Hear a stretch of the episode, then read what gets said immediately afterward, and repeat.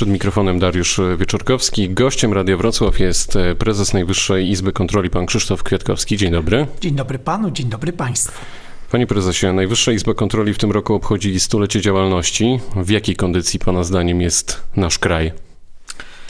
Myślę, że nasz kraj po pierwsze w ostatnich 30 latach zrobił prawdziwy skok cywilizacyjny. My często zapominamy, rok 89 Polska jest bankrutem, nie spłaca swoich zobowiązań międzynarodowych.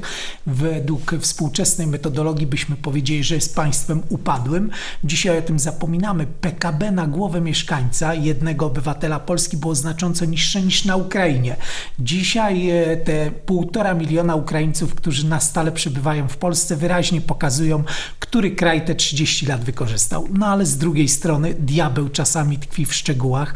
Te szczegóły pokazują kontrolę Najwyższej Izby Kontroli właśnie i funkcjonowanie służby zdrowia, czasami zasady działania systemu oświaty. To wszystko jeszcze no to wymaga wielu udoskonaleń, co najlepiej pokazują raporty NIK-u, a one też pokazują to, co najważniejsze, jak to zrobić, żeby poszczególne obszary funkcjonowania państwa działały lepiej. No właśnie, bo trochę pan sprzedał taki idealistyczny obszar, e, e, obraz naszego kraju, ale tak sobie myślę, Panie że... Panie doktorze, e, ja jestem z tego pokolenia, 30 lat temu działałem w Federacji Młodzieży Walczącej. Ja wiem, więc ma pan skalę odniesienia, i oczywiście. bym powiedział, to jest dla mnie, kiedy porównuję smutną rzeczywistość PRL-u i współczesny czas, to łzami się wokół kręci. A jednak NIK co chwilę nas jakimś raportem raczy. Gdyby miał po pan... to jesteśmy. Oczywiście, gdyby miał pan wskazać takie trzy obszary, które faktycznie w tej chwili wymagają poprawy, naprawy, to co by to było? Niewątpliwie służba zdrowia. Ten awans cywilizacyjny Polski, który się dokonał na wielu obszarach, można powiedzieć, że służbę zdrowia ominął. My w najbliższym czasie będziemy ogłaszać takie, może jeden z najważniejszych naszych dokumentów.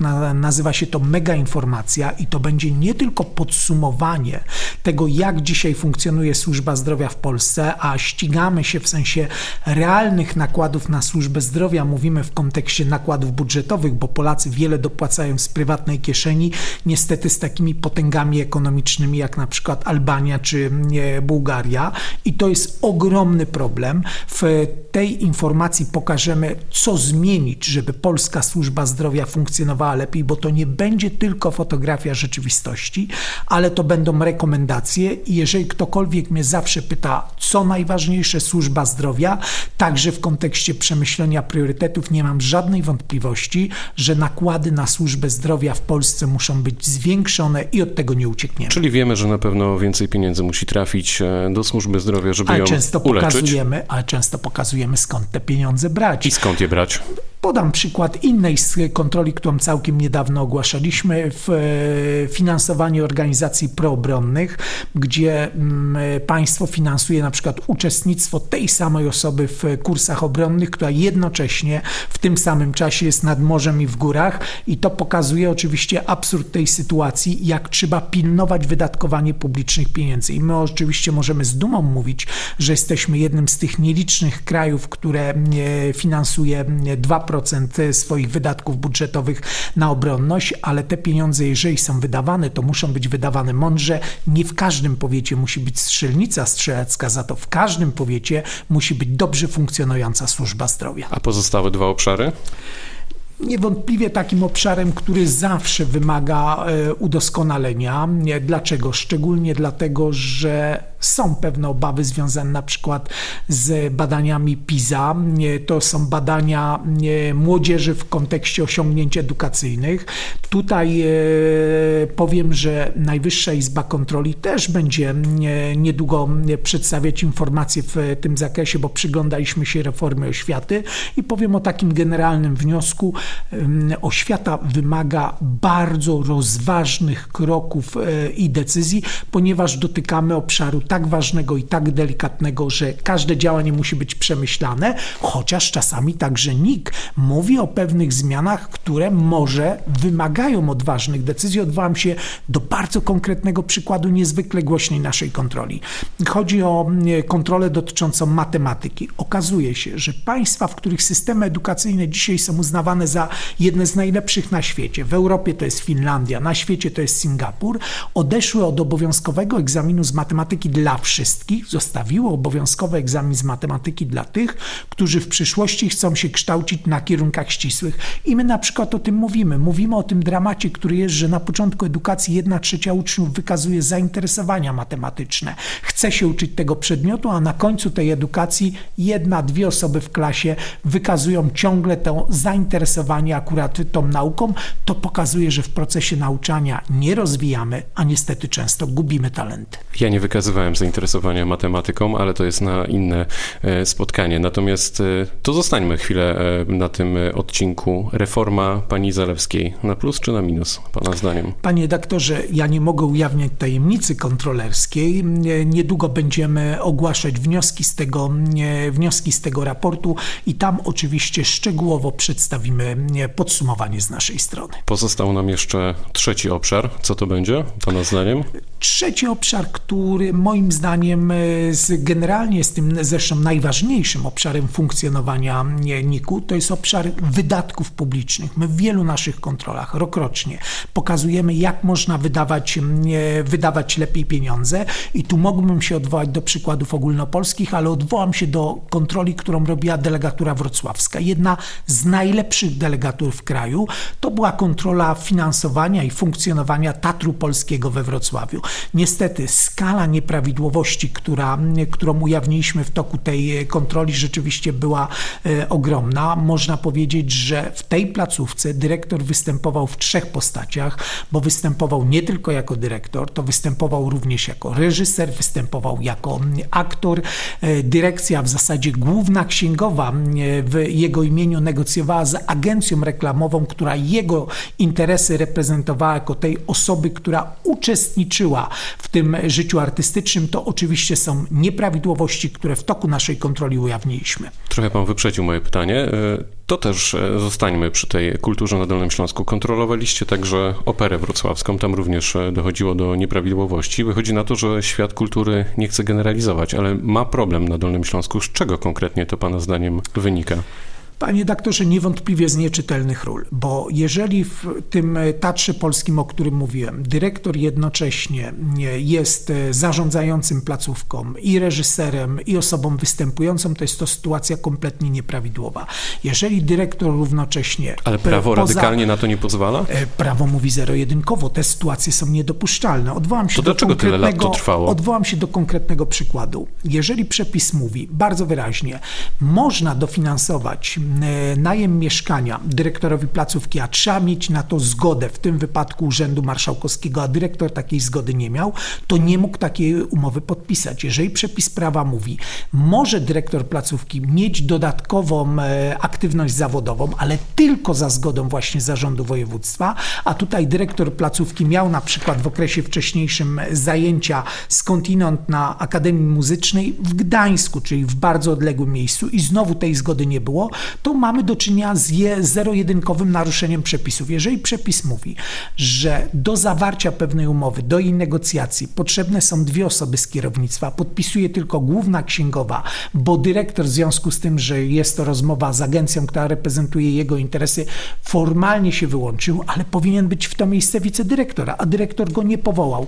Pokazuje na tej jednej placówce, jak czasami może dochodzić do bardzo licznych nieprawidłowości. Ale no dlaczego tak się dzieje? Panowie pytanie. I oczywiście ustalenia naszej kontroli potwierdzają inne e, instytucje. Skierowaliśmy wniosek do Rzecznika Dyscypliny Finansów Publicznych i Rzecznik wystąpił już o ukaranie byłego dyrektora za naruszenie dyscypliny finansów publicznych. Dlaczego tak się dzieje?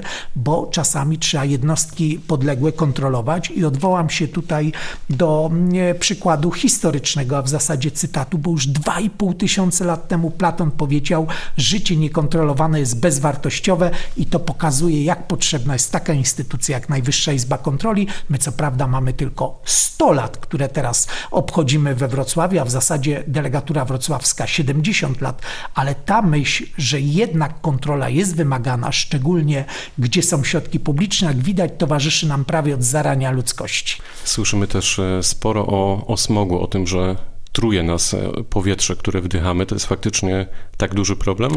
To jest jeden z największych problemów. Ja mówię, że jest to wyzwanie cywilizacyjne, przed którym stoi Polska.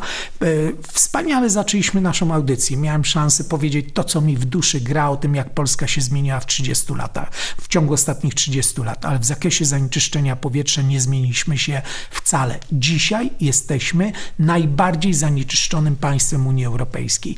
W zakresie zanieczyszczeń tak zwanym benzoapirenem, to jest substancja rakotwórcza, niezwykle szkodliwa dla organizmu, jesteśmy na ostatnim miejscu wśród 28 państw e, e, Unii Europejskiej. W zakresie pyłów zawieszonych rywalizujemy, jesteśmy w ostatniej trójce. Troszeczkę lepiej jest w zakresie dwutlenku azotu. To są zanieczyszczenia komunikacyjne, ale per capita łącznie rocznie umiera 46 tysięcy Polek i Polaków, dlatego że stale lub okresowo przebywa w miejscach, gdzie są przekroczone normy zanieczyszczenia powietrza. I znów zadam pytanie, dlaczego tak się dzieje? Dlaczego przez tyle lat Polska została w tyle? E, i nie potrafimy sobie z tym problemem poradzić. Teraz coś się zaczęło dziać, ale to też e, pewnie dlatego, że już no, ten poziom zanieczyszczenia jest ogromny głównym emitentem odpowiadającym za większość zanieczyszczeń w Polsce jest tak zwana niska emisja. Co to jest niska emisja? To jest to, co palimy, żeby ogrzewać domy. Niestety mamy tu sprawy systemowe i trochę sprawy dotyczące nas, społeczeństwa. Sprawy systemowe w Polsce palimy w paleniskach coś, co u wszystkich naszych sąsiadów już jest niedozwolone do palenia. To nie jest węgiel, to jest odpad węglowy. To są muły, flotokoncentraty. Nawet jak ładnie to ukształtujemy w jakiś brykiet, musimy pamiętać, że palimy coś, co szkodzi naszemu zdrowiu. W tym zakresie po raporcie NIK-u, i tu mam niezwykłą satysfakcję, bo nasze kontrole w tym zakresie uruchomiły społeczną dyskusję, doprowadziły do przyjęcia rządowego programu Czyste Powietrze. W ramach tego programu zostały wprowadzone normy na kotły, wchodzą powoli normy na mm, paliwo, żebyśmy spalali te, które nam, e, to, które nam nie grozi, no i ten element edukacyjny taka prośba do nas wszystkich, pamiętajmy o tym. Palimy w domowych paleniskach e, paliwo, a nie śmieci. Udało się zwalczyć problem dopalaczy? I to jest e, ogromny sukces delegatury wrocławskiej, bo to ona przeprowadzała e, tą kontrolę. Pokazaliśmy, że narzędzia administracyjne, że sanepid, który miał ścigać tych, którzy handlują dopalaczami, się nie sprawdza. Delegatura wrocławska swojej kontroli powiedziała: wprowadźmy przepisy prawa karnego, ścigajmy dopalacze jak narkotyki. Po naszej kontroli rząd wyszedł z odpowiednią inicjatywą. Dzisiaj mamy już do czynienia z inną rzeczywistością i miejmy nadzieję, że tych tragedii związanych z tym, że młodzi ludzie ludzie zażywają dopalacza, często kończyło się to w najbardziej e, dramatyczny sposób, czyli zgonem takiej młodej osoby, że będzie po prostu mniej, e, także dzięki raportowi NIK-u, także dzięki działaniom, które w oparciu o ten raport i wnioski w nim zawarte zostały podjęte. Niebawem kończy się Pana kadencja. Co, co przed Krzysztofem Kwiatkowskim w takim razie? Panie doktorze, do końca mojej kadencji, do ostatniego dnia, jedyne na czym się skupiam, to praca w Najwyższej Izbie Kontroli. To jest niesamowita instytucja, nie tylko ze wspaniałą historią i dorobkiem zawartą w ciągu tych stu lat, ale także z pozycją i zaufaniem, jakim obdarzają nas Polacy, ze wszystkich instytucji publicznych w kraju. NIK jest tą, która dzisiaj się cieszy jednym z najwyższych poziomów zaufania. Mamy bardzo silną pozycję międzynarodową, reprezentuję Polskę, jestem wiceprzewodniczącym Europejskiej Organizacji Kontroli. Co przed panem? Kieruje Komitetem Kontaktowym, czyli szefami wszystkich organów Panie kontroli prezesie, państw Unii co Europejskiej, a po zakończeniu swojej kadencji w NIK-u podejmę tą decyzję, co dalej. W swoim życiu nigdy nie miałem takiej sytuacji, żebym nie miał jakichś mm, nowych e, pomysłów, nowych perspektyw, ale o tym się oczywiście, nad tym się zastanowię w momencie, kiedy zakończę kadencję w NIK-u. Dzisiaj byłbym nieuczciwy w stosunku do swoich współpracowników, gdybym się rozpraszał na inne działania niż te w samej Izbie. Powiedział zastanawiający się jeszcze prezes Najwyższej Izby Kontroli Krzysztof Kwiatkowski. Bardzo dziękuję. Dziękuję, do usłyszenia i gratuluję wszystkim wrocławianom tego, że Śląsk Wrocław utrzymał się w Ekstraklasie. Przyjmuję, jestem wzruszony. Bardzo dziękuję. Pytał Dariusz Wieczorkowski. To była rozmowa dnia. Dobrego dnia.